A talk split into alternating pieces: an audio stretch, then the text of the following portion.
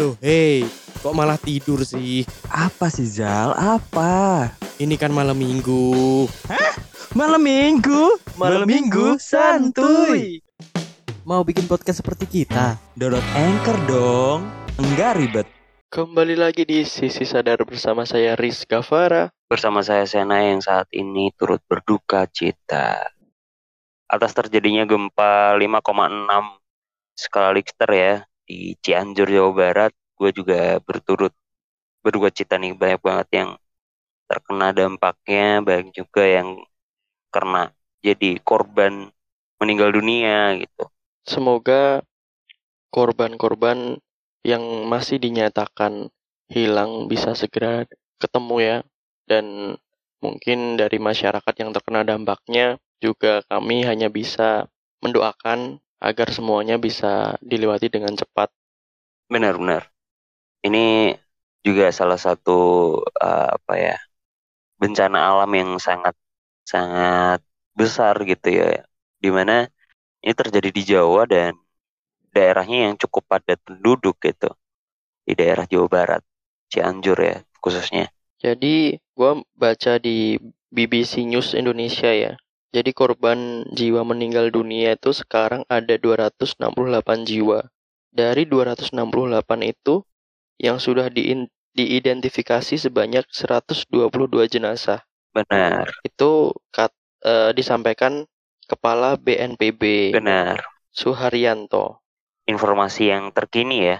Iya, Iya, dari serat 268 itu ternyata masih ada orang yang dinyatakan hilang itu sebanyak 151 orang. bener.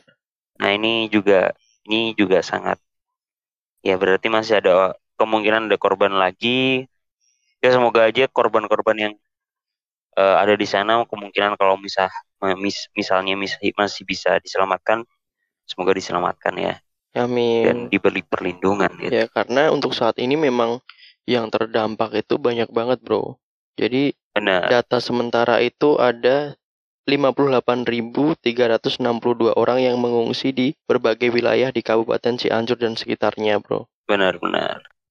Dan cukup besar ya. Sebenarnya area-area ini juga sudah diidentifikasi buat di mana area yang cakupannya adalah berisiko tinggi untuk terjadi gempa dan ada juga area yang masih berisiko menengah.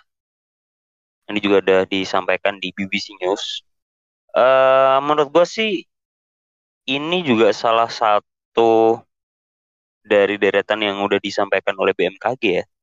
Karena kan kemarin juga sempat ada yang bilang kalau eh, bakal ada gempa yang cukup besar di daerah selatan Jawa dan itu nanti kemungkinan paling buruknya adalah adanya te- adanya terjadi tsunami. Iya sih, ngeri cuy. Gua ngelihat Benar. eh, apa ya, itu pun sering banget tuh sekarang keluar di sosial media gua tuh.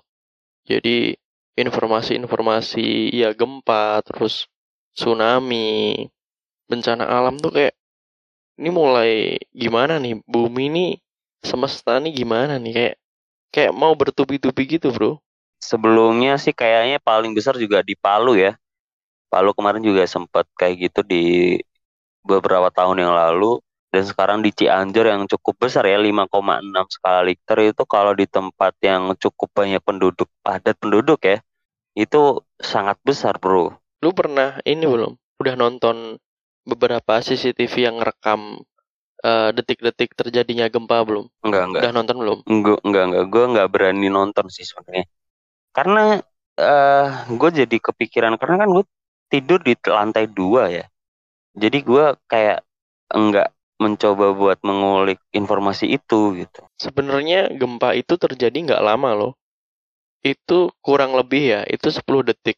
ya 10 detik pun kalau gempa itu sangat sangat kalau udah sangat besar ya eh, efeknya sangat sangat besar juga gitu. Iya sih, memang Bisa aja sih. dalam 10 detik lu bisa roboh gitu kan, rumah bisa roboh. Iya, karena memang di CCTV itu kan eh dia kan nampilin kebetulan memang yang ditampilin itu ya yang pasti rumahnya nggak hancur ya karena kan memang dari rekamannya selamat gitu ya.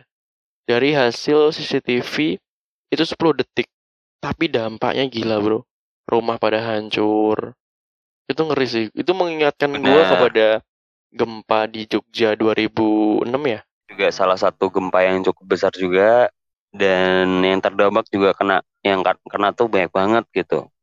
Sebenarnya gue itu kan juga udah mempelajari tentang geologinya di daerah Jawa ya.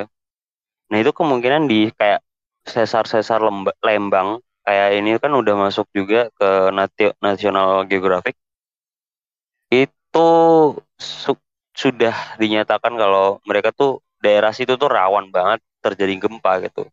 Karena ketika sesar atau patahan ini bergerak gitu, ya terjadi gempa yang sangat sangat besar gitu. memang ini sih memang serem sih karena terjadinya hanya berapa detik cuman dampaknya tuh gila segitu menurut gua 200 tuh ya ya banyak ya karena memang memakan korban jiwa ya Benar benar benar. ya sisi sadar turut berduka cita atas eh, bencana ini ya yang pastinya ya jadi Benar. buat teman-teman juga yang mungkin yang mendengarkan sempat mengalami atau eh, saudaranya yang di kebetulan ada di Cianjur dan mengalami musibah ini semoga bisa ya bisa melewati semuanya dengan dengan sabar dengan tabah dan pastinya masyarakat Indonesia pasti eh, mulai banyak yang ini nih bantuan-bantuan nih. Iya, karena di Indonesia juga sebenarnya memang lahan buat bencana alam ya, karena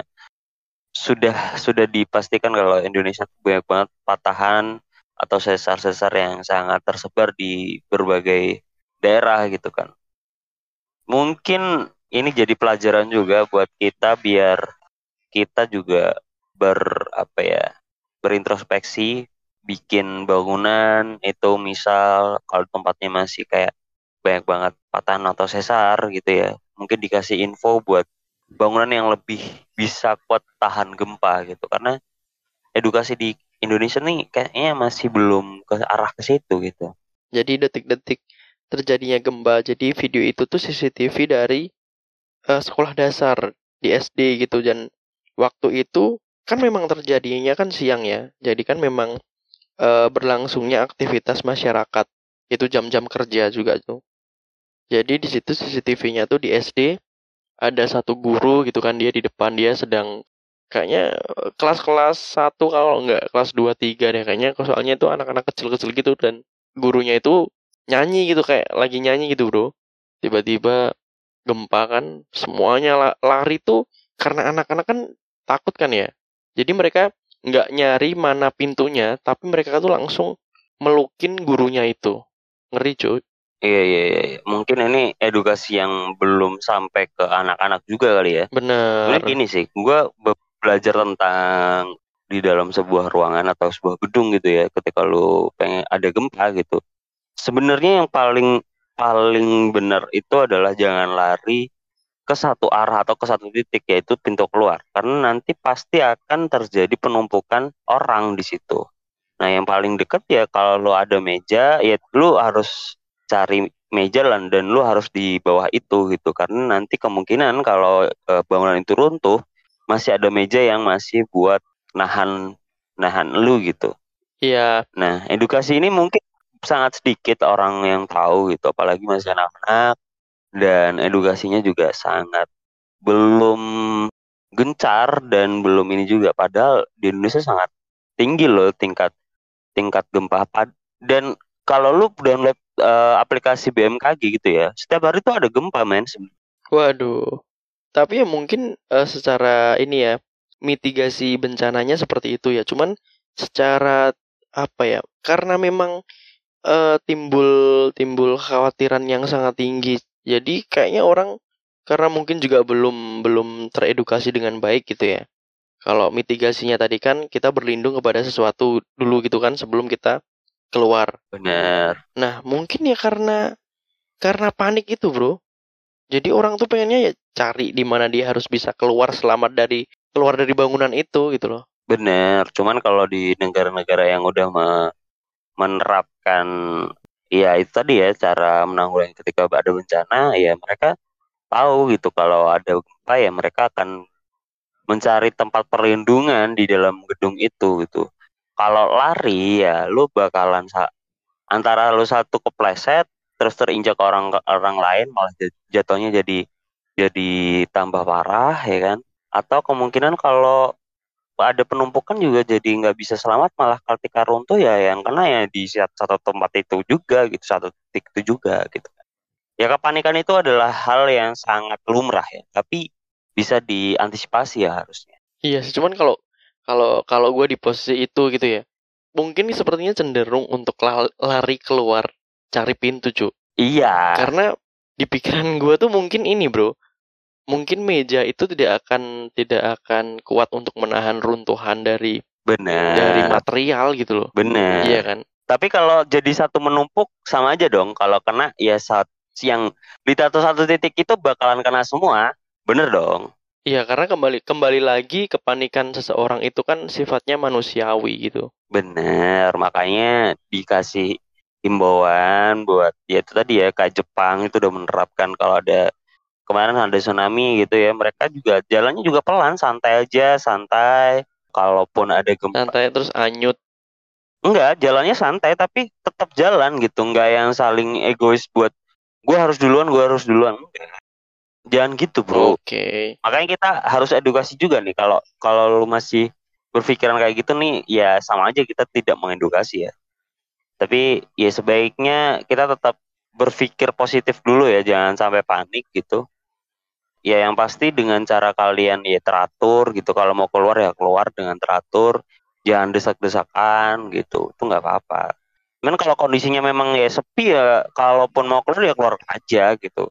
Cuman kalau eh, ini buat kayak itu tadi ya sekolah. Tadi kan SD itu ya apalagi mereka malah meluk gurunya gitu. Ya apa yang harus diperbuat gurunya? Ya kan nggak bisa buat melindungi semua orang itu. Ya namanya itu sih. Karena panik sih memang sih ya. bener ya kan? Makanya masih anak kecil kan. Ini juga sebenarnya gue di SMA juga udah pernah dikasih tahu buat ketika ada apa bencana alam gitu kan. Atau gempa gitu. Ya kita harus cari tempat perlindungan di sekitar situ yang paling dekat adalah meja ya lu di bawah meja. Oke. Eh, dari ini juga eh sebenarnya gue juga sebenarnya buat edukasi juga ya ketika gempa itu di daerah situ tuh tidak terjadi dalam beberapa tahun itu akan menjadi tumpukan energi yang nantinya gempa itu akan sangat besar gitu. Makanya sebisa mungkin nih gempa tuh harusnya lebih sering gitu. Kalau lebih sering bakalan lebih kurang energi yang dikeluarkan dari gempa bumi itu Oh gitu. Tapi jelasin dulu dong. Lebih sering tuh maksudnya seperti apa? ya misal dari dalam jangka setahun nih di daerah di Hmm. daerah satu daerah ini bakalan ada gempa bumi gitu yang misal di situ ada patahan atau sesarnya nah kalau dalam satu tahun periode satu tahun misal tiga kali ada pergeseran bumi atau gempa ya nah itu kalau tiga kali itu udah cukup cukup banyak gitu cuman kalau udah lima tahun tidak ada terjadi pergerakan ya pasti bakalan ada sesuatu yang besar gitu. Kayak ibaratnya lu punya energi yang menumpuk tapi nggak disalurkan gitu kan. Ya akhirnya sekali lepas ya energi sangat besar. Oke, oke, oke, oke. oke jadi gitu ya teman-teman.